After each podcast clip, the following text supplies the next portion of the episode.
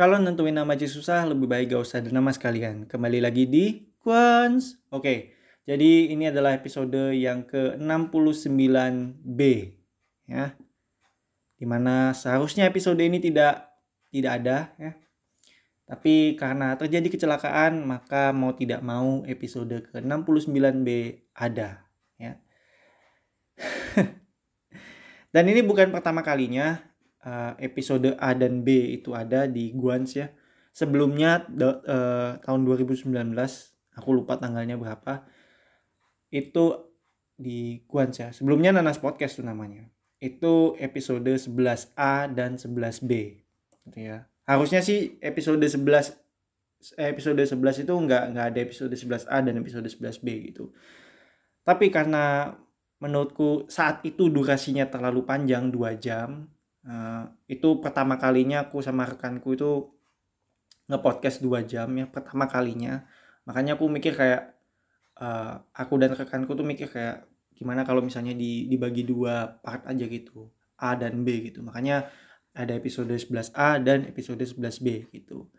Nah uh, seiring berjalannya waktu episode dengan durasi dua jam itu nggak aku bagi dua lagi gitu bahkan ada yang sampai tiga jam gitu dan aku nggak bagi jadi tiga bagian gitu nggak aku bagi jadi uh, A B dan C gitu ya. Kayak gitu. Jadi ya ya udah biarin aja gitu uh, durasinya segitu gitu ya kan. Nah uh, kecelakaan apa yang aku maksud?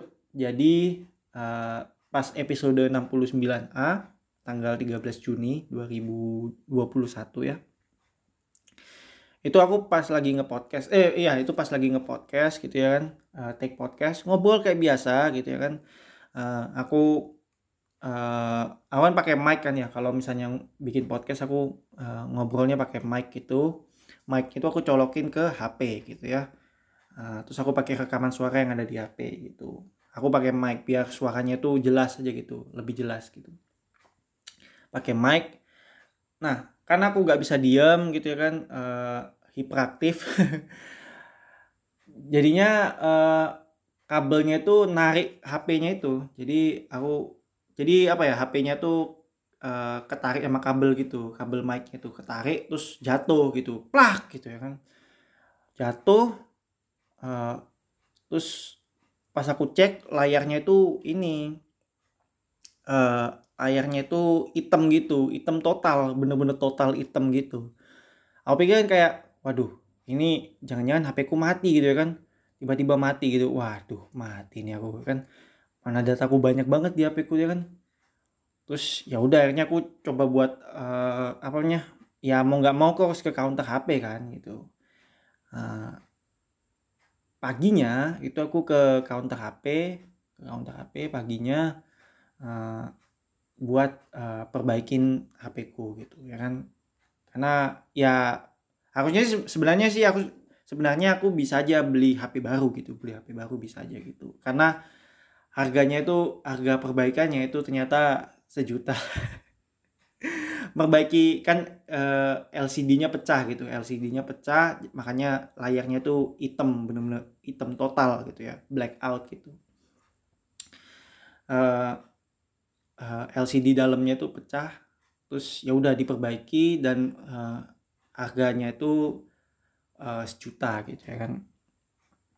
Harusnya bisa sebenarnya aku bisa aja beli HP baru tapi karena uh, data aku di HP banyak banget ya kan. Uh, jadi ya udah gitu aku mutusin buat ya udahlah perbaiki HP ini aja gitu kan.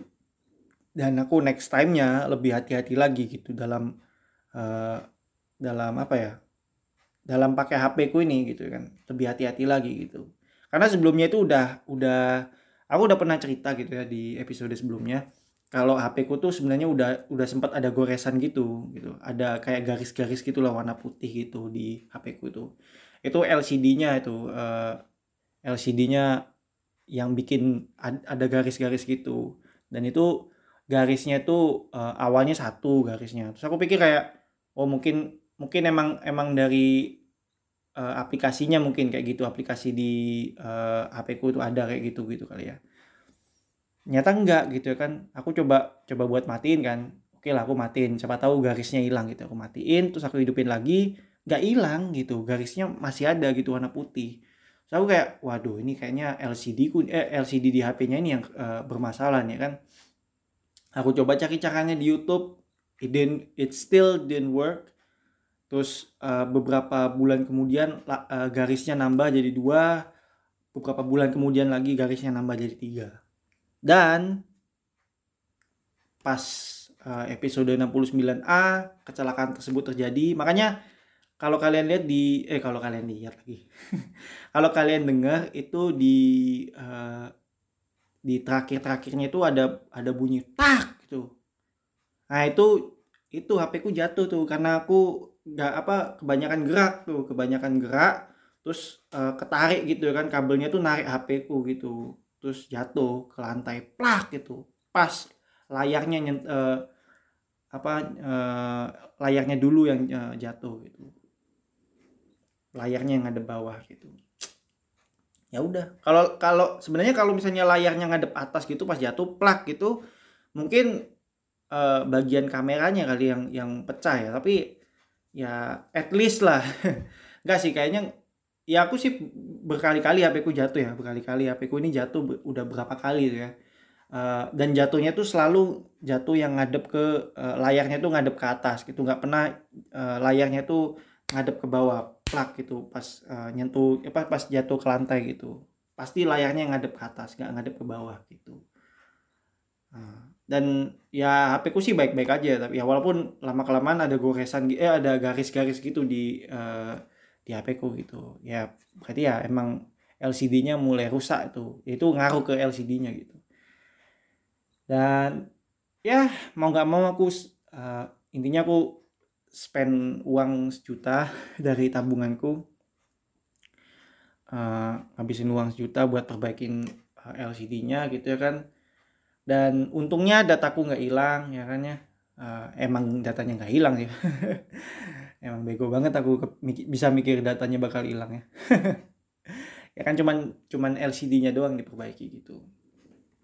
Uh, singkat cerita uh, LCD-nya diperbaiki sekitar dua jam gitu ya. Uh, diperbaiki sekitar dua jam aku nunggu gitu ya kan. Uh, dua jam. Habis itu uh, udah selesai bayar sejuta gitu ya kan terus kayak aduh. Kayak aku menyesal gitu. Ya menyesal aja gitu kenapa kenapa bisa terjadi kayak gitu. Harusnya aku bisa harusnya aku bisa apa ya diem aja gitu nggak usah banyak gerak gitu ya. Karena aku kebanyakan gerak jadinya it, ya inilah akibatnya gitu kan. Ya I'm so clumsy I'm so dumb and that that happened dan ketika aku uh, ngepodcast ini ya kalian bisa dengar sendiri audionya uh, kualitas audionya jelek ya. Uh, itu karena aku nggak pakai mic ya. Bukan karena aku takut mic-nya apa uh, kabelnya bakal narik HP ku lagi biar HP-nya jatuh enggak ya. Bukan karena itu. Uh, aku udah berusaha buat antisipasi itu. Tapi ketika aku uh, nyoba buat uh, nyolokin kabel apa kabel mic-nya tuh ke HP terus aku nyoba buat uh, rekam suaraku ya kan tes suara cek cek cek gitu. Suaranya nggak keluar gitu ya kan. So aku bingung kan ini apa jangan-jangan mic-ku yang rusak atau gimana ya kan ya? Terus ya udah aku coba coba cek eh, apa tes lagi cek cek wah ini kayaknya rusak nih kan uh, mic ya kan. Terus aku coba buat uh, aku pakai HP HP ku yang satunya gitu ya kan. HP ku yang satunya uh, buat uh, ngetes gitu ya kan. Apakah mic ku yang rusak gitu ya kan atau atau gimana gitu ya kan. Ternyata bisa gitu ya kan. Terus aku coba lagi di HP ku yang eh HP ku yang ini nggak bisa gitu. Pakai HP ku yang satunya bisa mic-nya. Nah di sini aku udah bisa udah ketahuan kalau ternyata HP ku rusak lagi. Rusak di bagian ini kayaknya uh, apa ya namanya adaptor atau audio jack ya. Pokoknya pokoknya uh, ya pokoknya ada bagian di mana uh, eh, itu yang bikin apa ya mic-nya tuh nggak bisa apa ya nggak bisa keluar suaranya gitu. Pas aku ngomong di mic itu nggak keluar suaranya gitu. Ada yang ada yang rusak di bagian HP gitu. Makanya ah aku pengen ke counter HP lagi buat perbaiki. Tapi karena ada garansi jadi kayaknya sih gratis lah ya. Ini gratis kalau bayar sih aduh ogah banget lah ya. Mending ya udahlah bodo amat lah. Uh, mending gini aja lah ngerekam uh, ngerekam nggak pakai mic gitu ya bodo amat lah. Atau mungkin aku bakal uh, beli mic baru terus aku bakal connect ke laptop biar aku ngobrol apa biar aku apa ya biar datanya aku eh, biar datanya itu langsung connect ke laptop gitu kan. Kayak gitu. Ini biasanya kan aku uh, kalau ngerekam eh kalau ngerekam suara mic-nya aku colokin ke HP ngobrol segala macem gitu. Dan ya memang kelemahannya sih aku nggak bisa denger suaraku sendiri kayak gimana gitu. Suaranya itu yang keluar bakal kayak gimana gitu. Apakah suaranya jernih atau suaranya ada ada gangguan teknis gitu ya kan? Gitu. Karena itu beberapa kali terjadi gitu. Uh, kalau kalian dengar episode sebelumnya tuh ya yang kayak gitu-gitu itu beberapa kali terjadi gitu. Ada problem sama mic-nya gitu kan? Atau gimana gitu. Nah itu aku kan nggak tahu ya karena aku nggak bisa dengar suara aku sendiri gitu ya kan. Nggak nggak bisa dengar hasil hasil suara yang muncul tuh kayak gimana aku nggak bisa dengar gitu. Kecuali kalau misalnya aku bisa dengar suara aku sendiri gitu kan hasil suaranya kayak gimana ya mungkin aku bisa antisipasi gitu uh, caranya gitu kan. Ya seperti itulah ya. Intinya uh, terjadi kecelakaan dan itulah yang membuat episode 69B ini ada. Di mana seharusnya episode 69B tidak ada ya. Tapi ya udahlah ya. Um, dan karena ini juga maka lengkap ya. Satu bulan ini bulan Juni ini uh, tiga episode ya. Tiga episode. Tapi aku udah aku udah bilang juga kan kalau misalnya uh, bulan Juni ini bakal ada episode bareng rekanku gitu ya. Jadi ya ditunggu aja gitu ya dan ya udah berarti berarti bulan Juni ini lebih dari tiga episode berarti. Ya nggak apa-apa sih gitu. Ya bagus memang gitu. Uh, lebih lebih konsisten lah gitu istilahnya. Bukan bukan konsisten secara jadwal ya maksudnya jadwalnya uh, apa ya namanya rapi gitu jadwalnya enggak gitu. Tapi konsisten uh, ngupload podcast aja gitu. And it's good gitu ya. Uh, episode kemarin sampai mana ya? Aku lupa lagi saya mana kan karena aku gak nyiapin apa-apa gitu ya kan. Episode kemarin tuh aku bener-bener gak nyiapin apa-apa gitu ya. Ya aku ngomongin apa yang pengen aku ngomongin aja dan uh, aku lupa lagi kan. Aku biasanya kalau misalnya aku udah nulis setlist gitu ya udah gitu aku uh, habis selesai bikin podcast langsung aku hapus setlistnya gitu. Nah itu aku masalahnya aku nggak nulis setlist jadi aku lupa ngomong apa ya. Ngomongin sinetron kali ya waktu itu ya, ya. Seingatku ya. Sampai terakhir sampai ngomong eh, terakhir ngomongin sinetron ya. Tapi aku aku bingung sih detail aku bingung sampai aku lupa detailnya sampai mana uh, ya sampai mana ya. Sinetron ya sinetron ya. Kayaknya bahas tentang itu deh bahas tentang uh, apa sih aku lupa. Ah ya udahlah bodo amat lah pokoknya intinya sine kalau misalnya ngomongin soal sinetron tuh nggak akan ada habisnya. Kalau kalian mau dengerin eh mau dengerin lagi. Kalau kalian mau nonton sinetron yang bagus ya uh, mau nonton series yang bagus dan itu dari Indonesia itu kalian bisa nonton aja di layanan streaming gitulah ya. Nah, ini aku bukan mempromosikannya. Nggak aku nggak mempromosikan layanan streaming yang bersangkutan. Nama ya dan aku juga nggak nyebut nama gitu karena aku juga nggak mempromosikan gitu dan kalaupun aku menyebut nama pun juga aku nggak tetap nggak berusaha buat mempromosikan gitu. Aku cuman kayak uh, merekomendasikan lah kepada pendengar podcast eh, podcast pendek-pendek.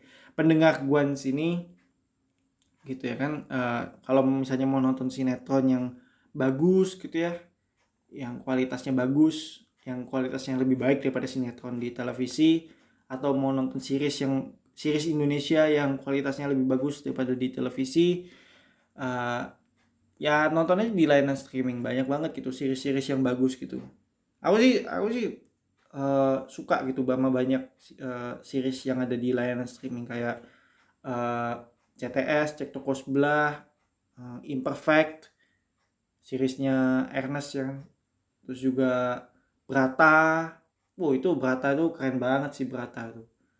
Brata tuh gak cuman apa ya, gak cuman menghibur ya, tapi juga ada ada unsur pendidikannya gitu, gitu sih. Ada unsur pendidikannya. Dan uh, penggambaran karakternya itu sangat-sangat kompleks gitu. And it and that uh, that's what make the series that series interesting. Dan itu yang membuat uh, seriesnya Berata itu interest uh, menarik gitu. Karena itu tadi um, penggambaran karakternya sangat kompleks gitu. Nggak hitam nggak juga putih. Kalau di sinetron televisi itu kan uh, hitam hitam banget penggambaran karakternya. Putih putih banget gitu kan. Kayak gitu. Padahal ya karakter manusia tuh sangat sangat kompleks. Gak bisa yang hitam banget gak bisa yang putih banget gitu. Ya seperti itu. Uh, kalau mau nonton series atau sinetron Indonesia yang bagus intinya kalian nonton aja di uh, layanan streaming daripada harus nonton di televisi. Kalau kalian suka dengan uh, sinetron yang ada televisi ya terserah sih silakan aja nonton. Tapi kalau aku sih enggak ya. Aku sih bodoh amat. Aku aja udah lama nggak nonton sinetron di uh, televisi gitu ya. Aku aja nonton sinetron di televisi itu gak, itu juga gara-gara mamaku sih. Mamaku suka nonton sinetron di televisi. Dulu aku nggak punya HP buat nonton YouTube ya kan? Uh, dulu nggak ada HP buat nonton YouTube. Nah, dulu HP dulu zaman dulu HP apa? Dulu kan HP HP apa? HP Android kan uh, apa ya? Nggak nggak apa ya? Uh, eh, HP Android tuh kapan sih mulai mulai populer eh mulai banyak ada di Indonesia? 2000 2011 2012 ya? 2012 kayaknya sih HP Android tuh mulai mulai apa ya mulai rame di Indonesia 2011 2012 kayaknya.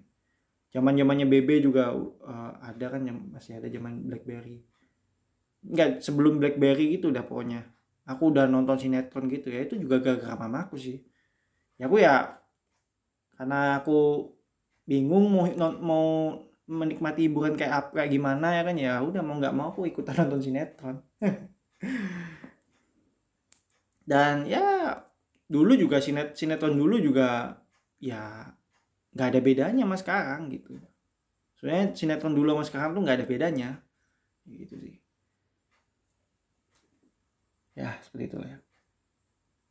Tapi ada juga kok sinetron yang bagus gitu ya kayak lorong waktu itu menurut aku sinetron yang yang bagus sih. Konsepnya tuh menarik menurut aku. Bayangin ya konsepnya lorong waktu itu adalah uh, sci-fi science fiction. Science fiction di mana sainsnya itu terletak di uh, apa ya time travel itu time travel perjalanan waktu. Bagaimana seseorang tuh bisa berpindah dari satu ke tempat ke tempat lain gitu ya. Uh, lintas waktu gitu melalui teknologi gitu ya kan. Itu kan ada ada unsur sainsnya dan itu juga ada unsur fiksinya pastinya kan ya makanya namanya science fiction gitu sci-fi. Genre genre lorong waktu tuh sci-fi dicampur dengan religi. Jadi ada unsur religinya gitu. Kayak gitu. Kayaknya itu menurut aku series apa uh, series yang menarik sih. Lorong waktu tuh series yang menarik. Dan ada ada ada animasinya juga kan ada versi animasinya juga. Tapi dulu tuh dulu tuh apa ya uh, se apa ya segokil itu si idenya gitu konsepnya tuh sangat sangat menarik uh, sinetron lorong waktu itu. Kan lorong waktu tuh udah ada dari tahun 99 kan? Tahun 99 si siapa namanya? Yang yang anak kecil namanya Zidan ya Zidan ya? Yang Pak Pak Pak Pak Haji itu namanya siapa lagi Pak Hajinya aku lupa. Ada Opi Kumis kan? Ada Opi Kumis ada Kubil ada Aji Masaid Aji Masaidnya itu uh, pokoknya Aji Masaid itu enggak eh, ada di season 1 tuh season 2 season 3 nya ganti-ganti lah ganti sama siapa itu Diki Chandra sama ganti sama siapa tuh lupa aku namanya. Pokoknya kayak gitu gitulah kayak gitu sih. Aku ya aku lumayan lumayan inget lah gitu. Aku nonton itu mulai dari season 2 kayaknya tapi aku juga nonton di YouTube season satunya gitu yang ada Ajima Said gitu. Karena di TV kan juga nggak nggak nggak nayangin lorong waktu lagi kayaknya. Atau mungkin iya oh udah lama nggak nonton TV jadi aku nggak tahu gitu. Tapi ada ada ada versi animasinya kok ada versi animasinya.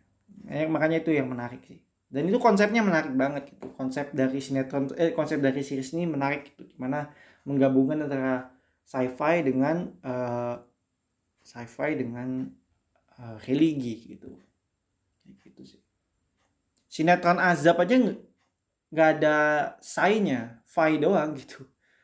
Ada ada religinya ada mungkin ada. Tapi sci-fi-nya fi doang sai-nya nggak ada. Nggak ada unsur sainsnya gimana. Gimana bisa ada unsur sainsnya gitu. Di uh, sinetron azab gitu. Sinetron azab aneh banget. Terus apa yang yang uh, naga Indosiar itu sinetron yang ada naga-naga gitu di Indosiar gitu itu fiksi doang gitu nggak ada unsur sainsnya gitu atau mungkin sainsnya itu terletak di ini kali ya di uh, apa namanya CGI-nya gitu. di mana CGI juga buruk banget ya. Itu aku coba cari ya lorong waktu. Lorong waktu sinetron. Aku coba cari di Wikipedia dan lorong waktu ini apa ya? Uh, series yang sempat dapat respon negatif gitu. Jadi fiksi apa uh, series yang apa yang uh, yang sci-fi religi ini jelas dapat penolakan kalau di Indonesia sih. Jelas. Aku coba cari ya. Haji Husin, iya Haji Husin. Haji Husin. Deddy Miswar itu kan Haji Husin. Ustadz Ad, Ustaz Ustaz Adin, Ustadz Adin, uh, ada Haji Pangestu, Diki Chandra, Hefri Olivian. Nah ini Hefri Olivian yang paling lama sih Hefri Olivian ini. Terus juga si Dan ini si siapa namanya? Curas Jordi. Aku pikir yang jadi uh, yang meranin Zidane itu si ini Jordi Onsu nyata bukan ya. Terus si siapa Opi Kumis meranin siapa? Hafid ya Hafid. Ada siapa lagi? Kubil tuh meranin siapa? Kubil, Kubil, Jam Jambrong, Jambrong gitu. Ada ada Kristi Jusung juga ada Saskia Adia Meka ya gitu gitulah um, nah aku pengen tahu nih uh, bentar bentar. Ini sampai 6 season sih gila sih 6 season uh, sinetron ini sih gokil nah ini responnya ya dalam pandangan sebagian penonton muslim konservatif, ini dari Wikipedia ya, Wikipedia lorong waktu ya. Sinetron lorong waktu ditanggapi negatif khususnya karena dianggap melenceng dari kaidah agama Islam soal perjalanan waktu terlebih manusia tidak bisa melihat dan mengubah masa lalu ataupun masa depan. Para pengkritik sinetron ini mengambil referensi dari ucapan MH Ainun Najib yang mengatakan bahwa hidup itu ibarat kita berjalan di kegelapan. Kita tidak akan tahu apa yang akan terjadi semenit kemudian. Beberapa ustadz dan kiai ada yang menanggapi bahwa serial ini tidak relevan dengan Al-Quran yang menjelaskan bahwa manusia tidak dapat melihat atau mengubah masa depannya dengan suatu alat dan hanya Allah yang menentukan jalan hidup manusia. Manusia memang boleh berusaha tapi Allah yang menentukan segalanya. Ini. Terus ada yang ada yang uh, respon positifnya juga ini ya. Di sisi lain, lorong waktu juga disambut positif oleh banyak pemirsa muslim Konsep kemajuan teknologi dipadukan dengan dakwah agama menjadikan sinetron ini unik untuk dunia pertelevisian Indonesia. ya. Lorong waktu itu konsep yang unik, sci-fi, bayangin loh, sci-fi dengan religi. Unik banget gitu kan. Di Indonesia nggak ada kayak gitu gitu. Sci-fi ada ada unsur religinya gitu. Apa coba uh, series Indonesia yang ada unsur sci-fi dan religinya gitu. Harusnya sih ada juga ya uh, tandingannya gitu, sci-fi, religi, tapi religinya Kristen gitu. Ada ada tandingannya gitu. Tapi ya ya oke okay, oke okay. uh, mana ini ya? Konsep ke, uh, ini mana? Belum lagi konsep cerita yang sederhana dan mudah dipahami semua usia membuat sinetron ini dianggap sebagai sinetron religi Indonesia terbaik sepanjang masa Keberadaan karakter-karakter bertipe komedi seperti Hafid, Jagur, dan Jambrong membuat sinetron ini seolah membuat proses dakwah yang coba disampaikan menjadi lebih segar dan tidak kaku. Ya, bagus ya. Uh, ini fakta uniknya. Penyanyi Isyana Saraswati menyebut Lorong Waktu sebagai salah satu sinetron yang tidak pernah ia lewatkan kehadirannya di layar kaca saat ia masih anak-anak. mantap, mantap, mantap. Isyana Saraswati ya, bro. nice. Tapi itu sih um, balik lagi ya. Uh, lorong waktu itu sinetronnya menurut aku tuh keren sih. Dan aku sih aku sih nggak bilang sinetron Indonesia tuh sinetron Indonesia yang di televisi itu buruk ya. Nggak semua gitu. Ada yang bagus. Lorong waktu tuh salah satunya gitu. Dan aku tuh uh, uh, nonton lagi di YouTube gitu ya kan. Coba buat nonton di YouTube uh, lorong waktu dan juga yang versi animasinya gitu. Dan bagus sih bagus. Konsep yang sangat menarik gitu. Sci-fi dengan religi gitu. Kayaknya kayaknya cuman kayaknya lorong waktu deh yang mem, yang apa ya yang memulai uh, genre ini. Penggabungan genre antara sci-fi dan religi gitu.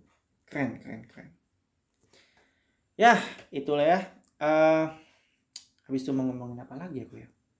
Ah gagal kemarin HP HP apa LCD-nya pecah sampai lupa aku ngomong apa. Sialan sialan. Oh ya, by the way, uh, di episode 69 akan aku ngomongin tentang youtuber lawan tiktoker ya kan. Uh, dan aku spesifik, specifically aku ngomongin soal si Anison Gabe yang yang apa ya kontroversial draw gitu ya lawan Taylor Holder. Nah, ada pengumuman nih. Jadi uh, Gabe di, dinyatakan menang gitu oleh uh, komisi ISKA jadi Iska tuh yang yang ada di di apa ya di belakang bajunya wasit ya ada tulisan Iska itu. Iska tuh kepanjangannya International Sports uh, Karate Association. Ya. Aneh juga sih karate gitu. Kok kok bisa gitu. Kok bisa wasit karate mimpin pertandingan tinju. makanya makanya jalannya pertandingannya rada-rada aneh sih buat aku sih dan keputusan yang diambil sama wasitnya juga rada-rada geblek kalau buat aku ya gitu sih ya walaupun ini aku nggak apa ya aku nggak nggak nggak nggak merendahkan wasit karate ya enggak ya ini aku nggak ada maksud seperti itu enggak tapi kalau buat aku wasit karate ya harusnya memimpin pertandingan karate. Wasit tinju yang memimpin pertandingan tinju. Ya aku tahu sih tinju dan karate ini adalah uh, seni bela diri gitu kan. Uh, dua-duanya ini adalah uh, seni bela diri gitu.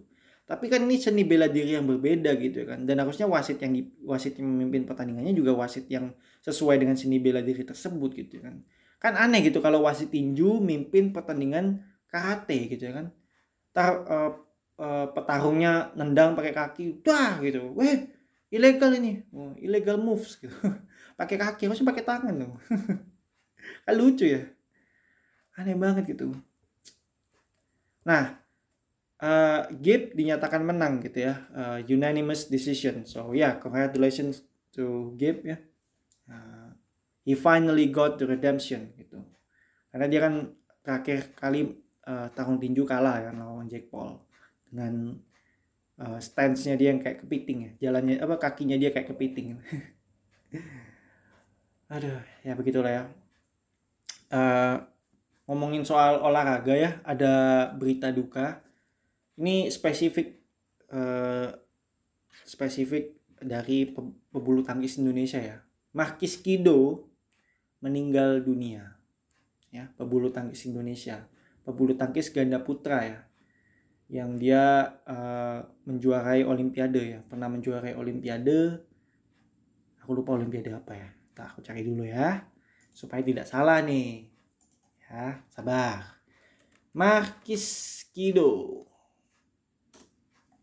Dia ini dulunya pasangannya eh dia ini dulu pasangannya Hendra Setiawan.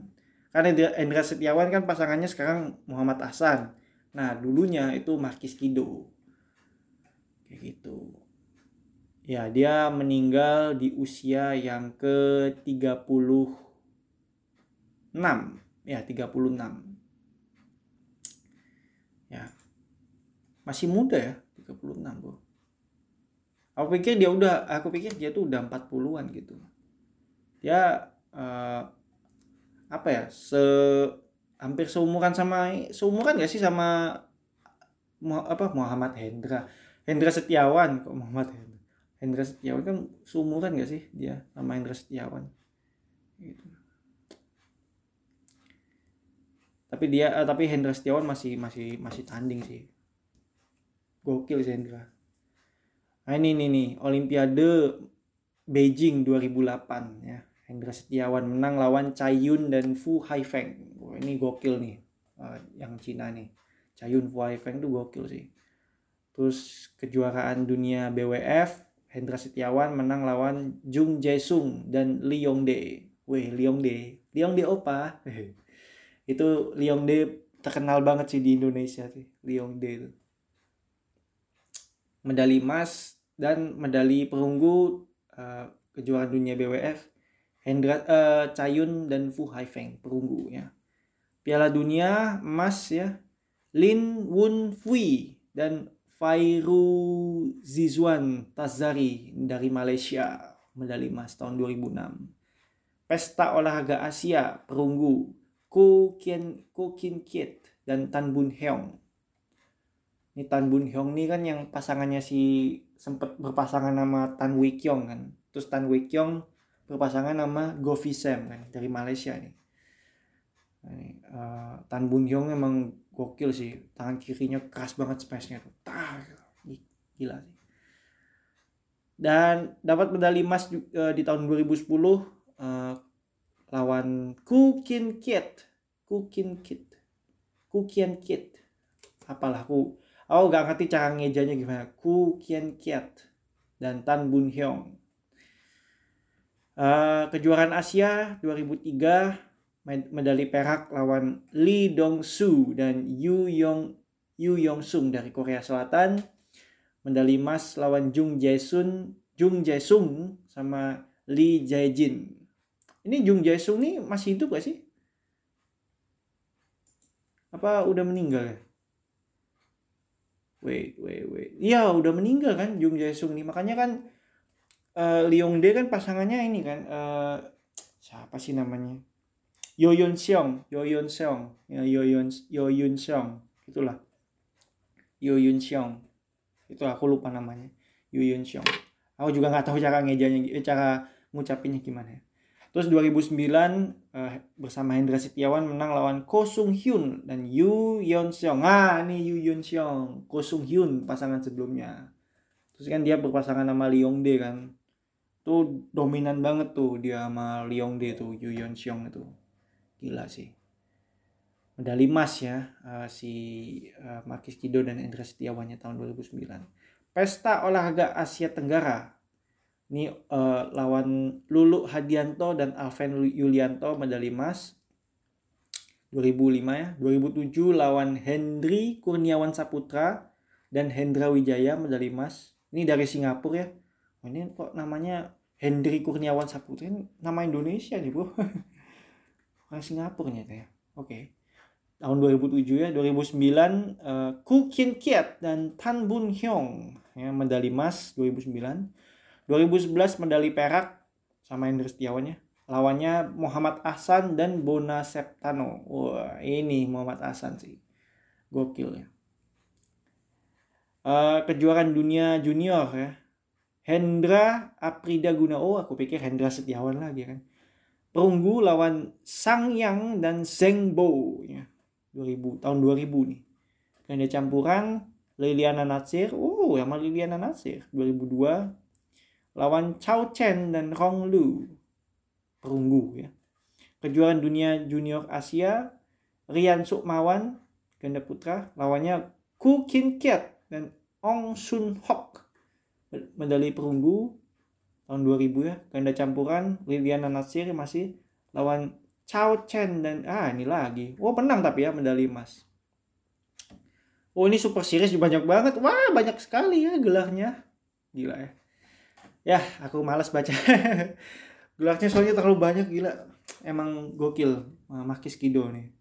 Ya dia termasuk yang smashnya kenceng banget sih. Gila.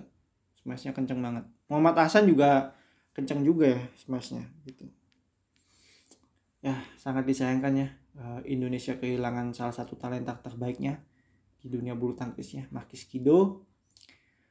Uh, dia meninggal karena apa ya? Ya nggak tahu lah kenapa ya. Yang jelas rest in peace buat Markis Kido ya. Dan kabar duka juga terjadi di Euro 2020 ya, di mana Christian Eriksen mengalami cardiac arrest ya. Beruntung uh, tim medisnya berhasil menyelamatkan uh, Christian Eriksen karena kalau enggak sih udah meninggal ya. Dia mengalami cardiac arrest ya, jadi tiba-tiba dia tuh langsung kolaps gitu aja gitu. Kolaps ya bukan kolap kayak youtuber bukannya kolaps K O L A P S. C O L L A P S E, collapse, collapse. Cardiac arrest itu artinya uh, henti jantung mendadak. Jadi uh, apa ya? Hilangnya fungsi jantung, nafas dan kesadaran secara tiba-tiba dan tak terduga. Ini akib, uh, biasanya akibat dari gangguan listrik di jantung. Ah, gangguan listrik. Henti jantung tidak sama dengan serangan jantung. Oke. Gejala utama yaitu hilangnya kesadaran dan tidak responsif. Oh, makanya dia pingsan gitu. Keadaan darurat medis ini memerlukan CPR langsung atau penggunaan defibrillator. Perawatan di rumah sakit meliputi pemberian obat-obatan, alat impi, alat impian, alat implan atau prosedur lainnya. Ya. Ini yang dialami oleh uh, Christine Eriksen. Beruntungnya ada yang memberikan CPR sih ke Christine Eriksen karena kalau enggak sih udah udah meninggal Christine Eriksen gitu. Dan ya uh, dan syukurlah dia uh, udah siumannya ya uh, ya waktu itu ini kan uh, pertandingan antara Denmark lawan Finlandia kan yang dimenangkan oleh Finlandia gitu ya sangat disayangkan nah ngomongin soal Euro 2020 aku ini susah nih untuk prediksi siapa yang akan juara nih uh, musim kemarin eh Euro sebelumnya siapa yang juara ya? Uh, Spanyol yang juara ya? Aku lupa. Spanyol apa siapa ya? Lawan lawan Euro 2016.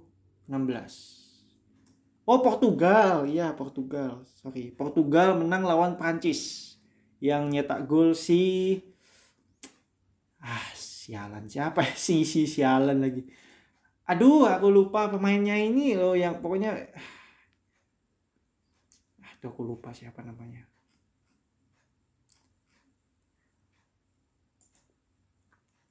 hmm oh ini Eder Eder Eder Eder Eder Eder. Eder Sito Antonio Macedo Lopez. Extra time. Ya pokoknya Cristiano Ronaldo nya ini kan dia kan nggak apa eh, nggak uh, tahu nggak nggak ada di lapangan tuh gimana gitu ya kan. Portugal. Ya Cristiano Ronaldo-nya uh, di sub out pokoknya. Dan tetap menang gitu. Ya uh, kok Eder sih? Renato Sanchez kan? Ya gak sih? Yang nyetak gol. Ah gak tau lah. Siapa sih nama yang nyetak gol? Eder Sito Antonio Macedo Lopez. Padahal di susunan pemainnya nggak ada yang namanya Eder Sito Antonio Macedo Lopez. Tapi ya intinya intinya uh, Portugal yang menang saat itu. Padahal ah sayang sekali sih. Aku waktu itu jagoin Prancis Prancis itu squadnya gila banget sih Prancis itu. Iya Eder. Oh iya Eder. Oh ini jadi pemain cadangannya Eder. Itu oh iya iya iya iya, iya. aku pikir Renato Sanchez yang ngegolin aku lupa. Nah itu Prancis tuh pemainnya bagus-bagus gitu ya kan. Ini lihat ya susunan pemainnya ya. Starting elevennya. Loris Patrice Evra, Umtiti, Koscielny, Bakary Sanya, terus uh, Matuidi, Paul Pogba, Dimitri Payet, uh, Antoine Griezmann, uh, Sissoko, sama Olivier Giroud. Pemainnya udah oke okay banget gitu kan. Sayang, sayang sekali sih uh, Didier Deschamps nggak mainin si Golo Kante gitu ya. Terus juga uh, yang dimain cadangannya ini doang tiga uh, Andre Pierre Gignac Anthony Martial sama Kingsley Coman Kingsley kayak Batagor ya Kingsley ya begitulah ya uh, pemainnya Prancis sebenarnya udah oke okay sih Portugal ya Portugal sih ada Ronaldo cuman ya nggak tahu ya Ronaldo saat itu mainnya rada kurang sih kalau menurut aku ya Coba aku lihat statistiknya tuh. Griezmann aja top skor loh saat itu. Aku aja kayak wah ini kayaknya Prancis yang menang, Prancis yang menang gitu, Prancis yang juara nih. Aku udah jagoin Prancis. Griezmann nya top skor lo gila. Griezmann tuh. Dan kalah lawan Portugal. Extra time. Man. Ah tapi Euro 2020 ini hmm, Euro 2, 2020 diadainnya 2021 ya. Itu kayaknya uh, apanya uh, yang organisasin event Euro ini kayak apa ya udah nyetak banyak gitu kan. Terus kayak wah ini euronya nyata eh apa lagi pandemi gitu kan. 2020 lagi pandemi ya udahlah jadiin 2021 aja gitu. Tapi males ganti namanya gitu ya udah biarin aja 2020 Olimpiade Tokyo kan kayaknya masih ini ya uh, bakal tetap 2020 juga kan ya Tokyo Olimpi oh ya Olimpiade Tokyo Tar, coba ya. Olimpik Tokyo 2021 oh iya. Oh.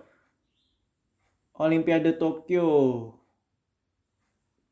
Iya sama. Olimpiade Tokyo juga sama 2020 juga. Sama Olimpik 2020 nggak diganti 2021 kan?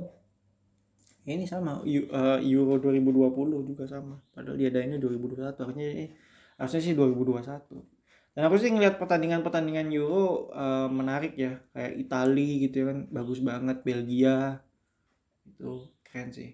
Uh, dan aku sih menunggu pertandingan yang paling seru nih antara Prancis lawan Jerman. Buh. Prancis lawan Jerman loh ini ini yang pertandingannya aku tunggu-tunggu nanti ya. Ya aku sih tetap dukung Prancis lah ya Prancis kan juara Piala Dunia kan uh, kemarin uh, yang yang yang apa ya yang terakhir kan lawan Kroasia 4-2 gokil sih itu sih. Final dengan gol gol banyak tuh salah satunya ini Prancis lawan Kroasia sih. Keren emang. Tapi ya itu sih uh, ya aku sih menantikan pertandingan yang paling seru ya Prancis lawan Jerman. Di grup neraka tuh bro. Coba aku lihat ya grup grupnya di Euro 2020 ya Euro 2020. Nih ya, grup A ada Italia, Wales, Swiss, dan Turki. Aku sih jagoin Italia sama Wales kayaknya, Wales. Wales masih ada ini gak sih? Ada uh, Gareth Bale gak sih? Ya, itulah ya. Italia sama Wales sih kayaknya. Grup B ada Belgia sama uh, Denmark. Enggak sih jang ah uh, nggak tahu ya. Kayaknya kayaknya sih kayaknya sih Denmark ya. Tapi Belgia sih udah pasti lolos ya. Kayaknya Denmark ya tapi aku sih agak ragu ya sama Denmark ya. Dia aja kalah lawan Finlandia loh. Kayaknya sih antara Finlandia sama Rusia deh. Eh ya Finlandia Finlandia Finlandia. Aku sih Belgia sama Finlandia. Di luar dugaan Finlandia bagus ya nyatanya. Denmark kehilangan playmaker terbaiknya uh, Christian Eriksen. Dan Christian Eriksen kan uh, apa ya di dikabarkan apa ya uh, bakal nggak bakal tanding di Euro lagi kan setelah kejadian itu kan. Dan kemungkinan bakal pensiun kan. Uh, karena itu apa cardiac arrestnya itu kan. Kasihan sih. Padahal Christian Eriksen tuh lagi bagus-bagusnya apalagi dia kan lagi juara uh, dia kan uh, juara kan di Inter Milan kan Inter Milan eh, setelah dominasi Juventus akhirnya Inter Milan juara juga. ya lanjut ya grup C ada Austria, Belanda, Ukraina dan Makedonia Utara. Aku sih jagoin Austria dan Belanda sih. Austria dan Belanda jelas straight up gitu ya. Di grup D ada Ceko, Inggris, Kroasia dan Skotlandia. Hmm. Inggris dan Kroasia. Ya, Inggris dan Kroasia. Grup E ada Slovakia, Slovakia, Spanyol, Swedia dan uh, Polandia. Uh, ini ini seru juga sih ya. Hmm, Spanyol dan Swedia. Nah, ini grup F yang neraka nih. Portugal, Prancis, Jerman dan Hungaria. Uh. Aku sih Portugal sama Portugal sama Prancis sih. Portugal sama Prancis. Ya, Portugal sama Prancis. Kayaknya sih prediksiku bakal salah, but who knows ya.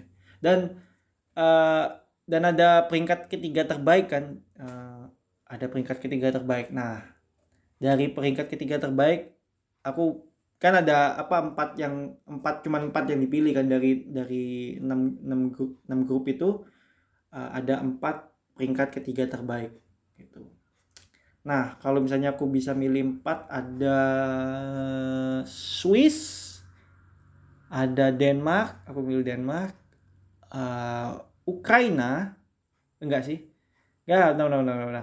Jerman jelas Jerman uh, Jerman Ceko, Swiss, sama hmm sama Ukraina kali ya. Iya, sama Ukraina kayaknya. Hmm, iya, sama Ukraina. Ya, itulah ya uh, prediksiku ya. Tapi ini prediksiku bisa aja salah ya. Jelas salah lah ya. Aku soto aja aku ini ini ini prediksi soto ya jangan didengerin ya skip aja ya langsung aja ya ke pembahasan berikutnya di mana aku tidak tahu apa pembahasannya. Apa ya? Mau bahas apa aku ya? Oh ya ini. Jadi uh, kalian udah lihat gak sih di di internet ya ada kasus pelecehan pelecehan seksual ya di di musola di musola nih ya di musola Al Amin Jakarta Timur ya. Dan itu ketangkep sisi kamera CCTV gitu. Jadi ada bapak-bapak gitu ya uh, bukan jadi ada bapak-bapak nah jadi ada uh, apa ya jemaah wanita gitu lagi sholat gitu ya banyak tuh pada lagi sholat semua pakai mukena nih gitu ya kan walaupun pakaian sebenarnya nggak ngaruh ya pakaian tuh nggak ngaruh nafsu cowok yang ngaruh sih terhadap terjadinya pelecehan seksual ya. nafsu cowok nafsu pelaku ya nggak cuma cowok ya cewek juga bisa melakukan pelecehan seksual nafsu pelaku ya. bukan pakaian dari korban nah ini uh, jemaah wanita lagi sholat nih di musola nih di musola lagi sholat. Pakai baju tertutup ya biar nggak ada excuse lagi. Pakai baju tertutup nih lagi sholat. Tiba-tiba ada bapak-bapak tuh nempelin kelaminnya di pantatnya uh, jemaah wanita itu. Ada dua kali apa satu orang. Satu apa dua orang pokoknya. Ditempelin tuh kelaminnya. Uh ditempelin gitu ke pantatnya uh, jemaahnya itu. Anjir itu ngeri banget sih gitu kan. Maksudnya kayak ini udah di musola loh. Di musola di tempat suci. Orang lagi berdoa. Ada pelaku pelecehan seksual gitu. Ngelakuin hal seperti itu gitu. Ini sih udah udah nggak mungkin ya. Nggak ada udah nggak ada alasan lagi. Kan biasanya kan orang kan nyalain nyalain apa nyalain korban pelecehan seksual gitu kan. Karena pakaiannya gitu kan. Ah, ini pak ini karena pakaian gitu padahal mah ya kalau udah sange mah sange aja gitu kan. Udah sange mah sange aja gitu. Maksudnya ya, tapi kalau sange pun juga nggak nggak harus di di di apa ya dilampiaskan dengan bentuk pelecehan seksual gitu. Ah, anjir lah. Bejat banget sih bapak-bapak ya dan ini dan itu juga dilakuin di musola lagi gitu kan. Dan ada ada nih aku baca nih netizen tuh ya. Ada netizen yang aku nggak nggak nyebut nama karena aku lupa untuk screenshot uh, komentarnya ya. Tapi ada tuh yang komen kayak gini. Uh, apa namanya? Uh, harusnya uh, sholat di rumah aja. Gitu. Harusnya jemaah wanitanya itu sholat di rumah aja. Anjir kan tolol banget ya komentar tuh ya. maksudnya kayak apa ya, ya aku tahu sih dia nggak bisa nyalain pakaian lagi ya karena si jemaah wanitanya pakai mukena ya kan gimana? Ya kalau misalnya dia kalau misalnya uh, yang korbannya itu pakai pakaian terbuka udah pasti dia akan nyalain itu kan pasti kan. Jelas kan victim blaming jelas lah gitu. Tapi karena di ini di apa dalam kamera CCTV udah jelas pakaiannya tertutup ya kan udah nggak bisa nyalain pakaian lagi gitu apalagi udah pakai mukena nggak bisa nyalain pakaian lagi gitu kan dan nyalain eh, dan si netizen tolol ini nyalain jemaah perempuan karena dia sholat di musola. Disuruh sholat di rumah. Kan komentar bodoh ya. Aku sih nggak tahu ya apakah ini ngetrol apa enggak kalau ngetrol sih ya nggak tahu ya. Mungkin dia kayak gitu juga kali ya. Di tempat ibadah gitu tiba-tiba kayak apa kayak ngelakuin pelecehan seksual gitu. Anjir ngeri banget sih gitu. Di tempat ibadah aja masih nggak aman loh dari tindakan tindak uh, asusila gitu. Anjir. Nempelin kelaminnya gitu loh di di pantat gitu di titit gitu gitu. Aku nggak aku nggak bisa nggak bisa kasih contoh ya soalnya soalnya kan ini podcast ya kan eh, cuman audio doang yang ada gitu. Aku nggak ada nggak ada videonya gitu. Tapi ya itu tadi sih aduh bejat banget sih bapak-bapak itu. Dan masih ada lah nyalain korban gitu netizen tolol netizen tolol kok bisa gitu udah apa ya maksudnya kayak ya mau mau pakaian terbuka apa enggak juga enggak itu enggak enggak membenarkan pelaku untuk melakukan pelecehan seksual gitu loh. Maksudnya kayak apalagi di tempat di tempat ibadah orang lagi berdoa terus apalagi pakaian tertutup ya kan? Kalau misalnya ada yang nyalain pakaian banyak yang nyalain pakaian kan? Banyak yang nyalain korban karena pakaiannya kan pakaiannya udah tertutup pakai mau kena lagi doa. Di tempat ibadah masih ada yang melakukan pelecehan seksual. Gitu. Dan uh, uh, pelaku di, di ditangkap ya. Pelaku ditangkap dan aku nggak tahu sih bakal dihukum kayak gimana.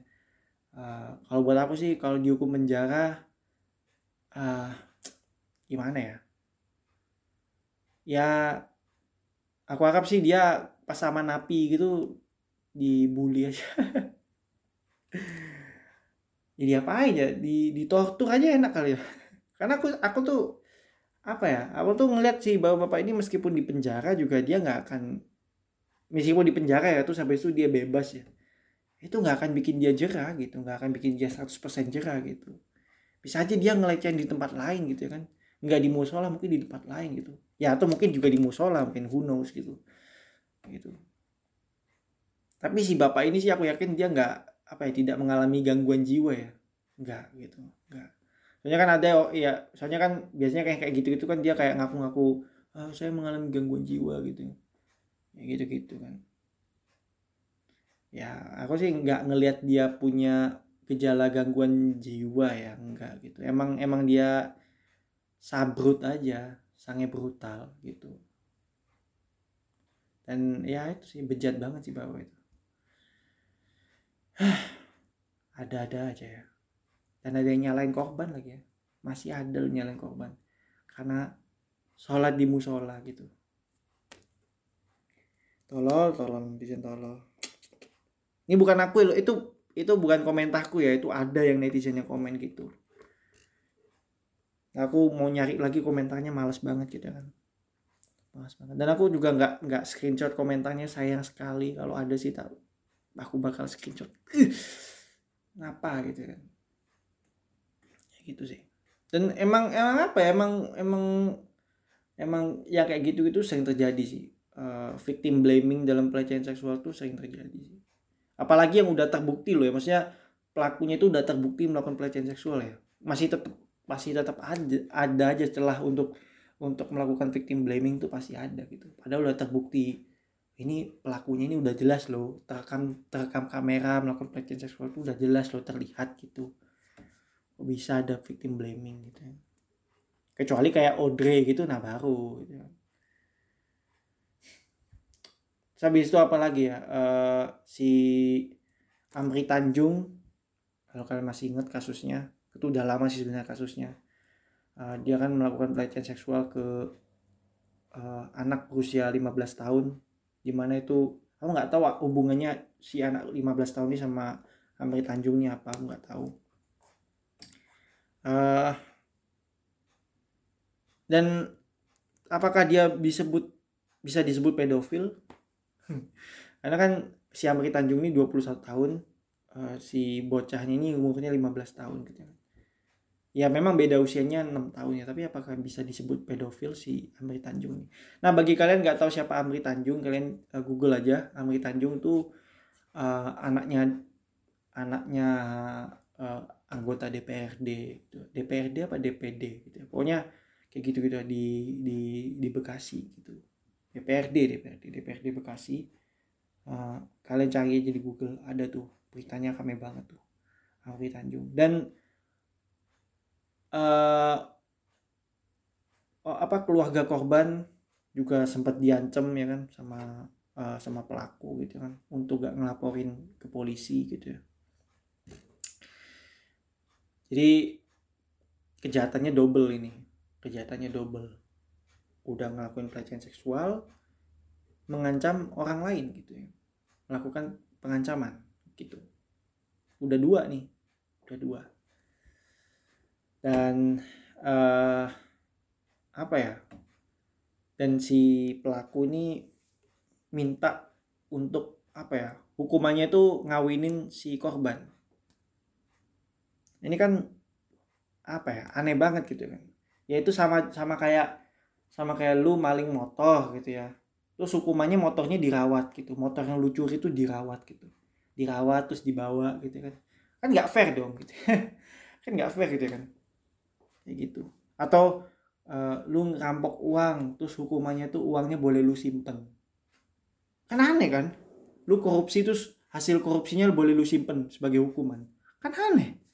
Aneh banget gitu. Lu konsumsi narkoba terus barang apa barang narkoba lu barang narkoba lu boleh lu simpan boleh lu konsumsi gitu. Kan aneh gitu. Kan hukuman yang aneh buat aku. Hukuman yang aneh sih buat aku sih dan di, ya jelas uh, keluarga korban nggak setuju ya untuk uh, menikahkan korban dengan uh, pelaku yang bejat ini. Uh, karena ya si keluarga si keluarga korban lebih memilih untuk uh, menanggung dosa anaknya ya daripada harus menikahkan dia dengan pelaku. Karena kalau menikahkan ya keputusannya sangat bagus buat uh, si orang tua korbannya untuk tidak menikahkan korban dengan pria bejat ini. Karena kalau dinikahin akan menimbulkan dampak yang lebih buruk lagi gitu kan. Kayak gitu loh. Ini aja dia di dilecehkan gitu di, di diperkosa gitu kan. Ngerti kan maksudnya? Di diperkosa itu maksudnya uh, dia tuh apa ya melakukan persetubuhan tanpa persetujuan dari korban gitu. Kecuali kalau korbannya mau korbannya su apa sama-sama mau lah gitu. Antara pelaku dan korban sama-sama mau gitu. Itu nggak disebut sebagai pemerkosaan. Ini masalahnya korbannya menolak nah pelakunya maksa. Nah itu. Makanya si korbannya ini melakukan pemerkosaan. Kayak katanya di di berita sih aku bacanya sih pacarnya si si si apa si antara pelaku sama korban ini punya hubungan punya hubungan gitu punya relationship gitu. makanya si pelaku tuh mau nikahin si korban sebagai rasa tanggung jawab lah gitu. Nggak peduli lah anjir. Kenapa kenapa itu sebagai bentuk tanggung jawab ya? Sebagai kalau mau bentuk tanggung jawab tuh ya lu harus dihukum gitu. Sebagai bentuk tanggung jawab gitu. Dihukum. Dan penjara menurut aku sekali lagi bukan opsi terbaik ya. Bukan best option not the best option. Prison is not the best option untuk orang-orang kayak gini nih ya ditok tuh. Lagi-lagi ya tuh.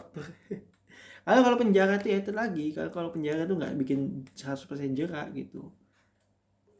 Gitu. Nggak nggak nggak bakal 100% tobat gitu lah istilahnya. Kayak gitu sih. Dan uh, ya itu sih uh, kalau misalnya dinikahkan juga ya aneh sih kenapa dinikahin ya? Maksudnya kayak aneh banget gitu bisa aja dia nanti ya maksudnya dampaknya itu sangat-sangat buruk nantinya untuk korban gitu. Untuk korban untuk keluarga korban juga pastinya kan? Kayak gitu sih. Dan untungnya sih tidak dialau sama keluarga korban untuk menikahkan uh, pelaku dengan korban gitu. Tidak dialau gitu. karena korban ini juga masih 15 tahun ya kan? Dia punya masa depan yang lebih cerah daripada pelaku ya kan? Pelaku memang masa depannya suram dan ke depannya akan makin suram who knows tapi korban ini punya masa depan yang cerah gitu. Kalau menikah sama pelaku kan ya gimana ya masa depannya nanti ikutan suram masih kayak 15 tahun gitu loh dia masih punya masa depan yang cerah gitu. Masih banyak hal yang yang bisa dikejar gitu di masa depan gitu kan. Dia bisa jadi sukses di masa depan gitu. Daripada harus menikah dengan pelaku gitu kan. Kalau dia nikah sama pelaku bisa aja dia dapat kekerasan gitu kan dapat physical abuse dapat verbal abuse gitu kan. Dan korban juga nggak akan siap gitu kan dengan pernikahan gitu kan. Karena usianya masih muda gitu. Mentalnya juga belum siap dengan pernikahan gitu. Kayak gitu masih 15 tahun loh udah dinikahin aneh banget gitu kan. Bahkan bahkan keluarga korban sendiri menyatakan ya bahwa uh, kalaupun kalaupun korban sudah cukup usianya ini kan karena dia masih 15 tahun ya kan makanya dia nggak mau makanya dia menolak ya keluarga korban menolak. Tapi bahkan kalaupun uh, usia korban sudah uh, mencukupi untuk menik untuk menikah ya uh, udah legal untuk nikah tetap gak akan dinikah sama korban gitu. Karena ya risikonya tuh gede banget gitu. Dan lebih banyak dapat dampak buruk lah daripada dapat dampak baik gitu dari pelaku ini kan kayak gitu jadi ya ya seperti itulah. Dan aku nggak aku nggak sama sekali nyangkut pautin uh, pelaku dengan uh, apa yang dikerjain sama orang tua pelaku ya. Uh, seperti itu. Ya gitulah ya.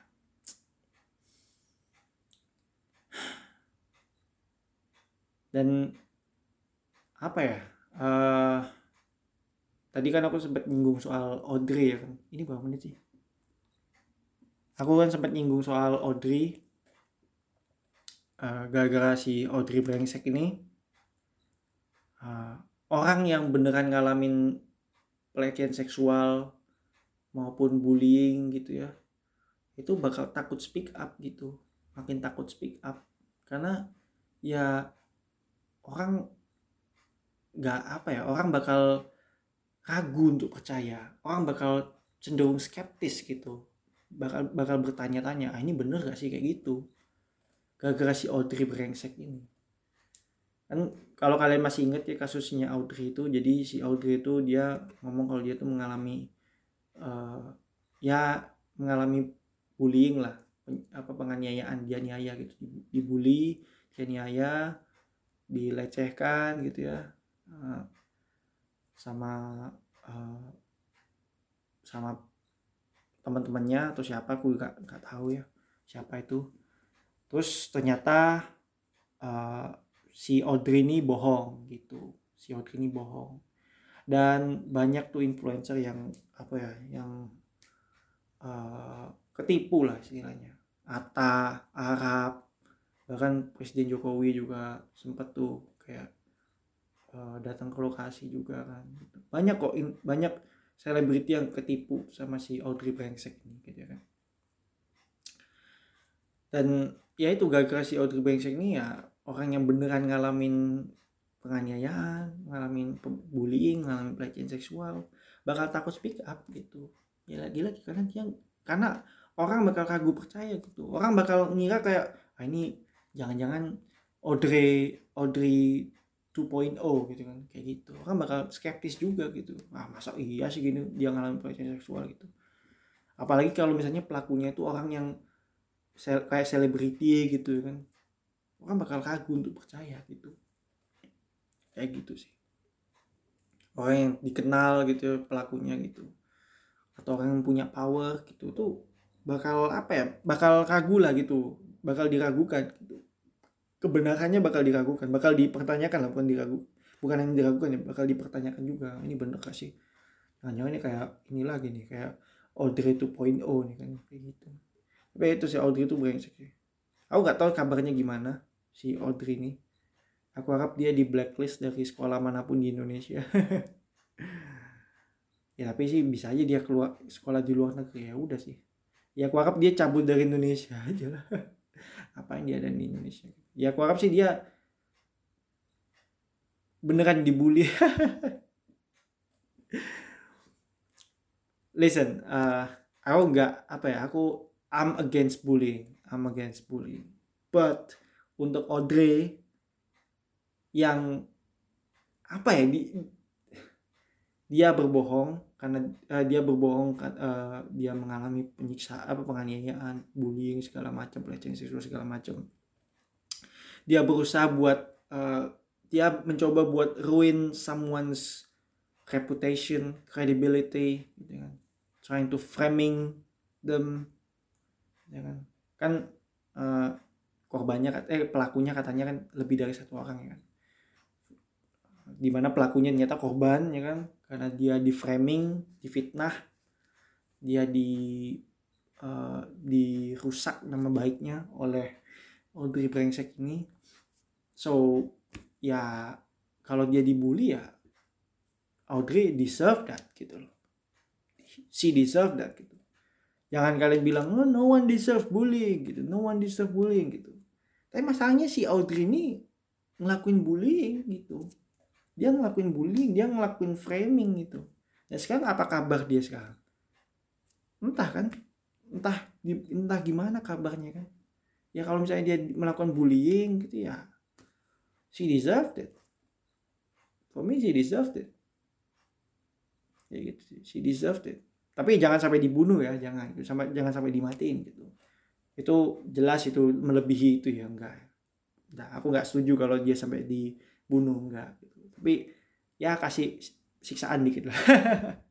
Sebagai hukuman gitu lah. Maksudnya kayak dia sudah menipu banyak orang dia sudah memfitnah orang gitu ya kan. Dia sudah dan itu kan termasuk tindakan bullying ya kan gitu kan. Sudah memfitnah orang kan it's a bullying gitu kan. So if she got bullied she deserve that That's my unpopular opinion. Tapi aku yakin sih banyak yang setuju. Dan banyak juga yang gak setuju. And it's okay gitu. Ya, seperti itu. Uh, habis itu ngomongin apa lagi ya? Kayaknya udahlah itu aja lah. Capek aku. Ini udah udah sejam juga. Uh, makasih udah dengerin episode 69B ini. Episode yang kayaknya bakal aku kasih judul episode 69B kecelakaan. Karena episode ini seharusnya tidak ada. Uh, seharusnya udah selesai di episode 69 doang ya. 69A harusnya udah 69 doang gitu nggak ada A dan B gitu. Tapi karena jadi kecelakaan jadi mau nggak mau ada episode ini. Dan mohon maaf ya mohon maaf karena audionya jelek ya kualitas audionya jelek gak seperti sebelum sebelumnya uh, apa suaraku kurang terdengar jelas gitu ya. Mohon maaf ya uh, ya ini uh, aku berusaha buat perbaiki HP ku lagi bawa ke counter lagi. Bolak balik aku ke counter gitu kan. Ya udahlah ya uh, kalau misalnya kalian pengen dengerin episode yang sebelumnya episode guanci yang sebelumnya silahkan dengerin di Spotify, Anchor, Google Podcast, Radio Public, dan Breaker. Dan uh, email silakan email kalau misalnya kalian mau nanya-nanya kalian mau ngasih ide topik kalian mau ngasih kritik saran kalian mau curhat juga boleh. Ya walaupun enggak ya bakal aku bacain lah gitu ya kan bakal aku bacain di episode selanjutnya kalau ada ya mau kalau ada yang melakukan itu ya. Uh, kalau mau beriklan juga boleh di email ya. Asalkan uh, spon apa yang apa barang yang di produknya itu legal ya. Eh, tidak bertentangan dengan hukum. Ya silakan aja email di realnanaspodcast at gmail.com oke? Okay? follow juga akun instagram uh, guans at gvxns.id dan juga subscribe youtube guans gvxns ya. Walaupun tidak ada konten yang ada di baik di instagram maupun di youtube tidak ada konten apa-apa. Tapi follow aja gitu kalau mau ya dan subscribe juga YouTubeku kalau berkenan ya. Tapi untuk Spotify follow juga kalau misalnya mau mau ngikutin update-update dari Guans ya, update episode Guans follow di Spotify. Oke? Okay? Dah, segitu aja. Sampai jumpa di episode selanjutnya. Dadah.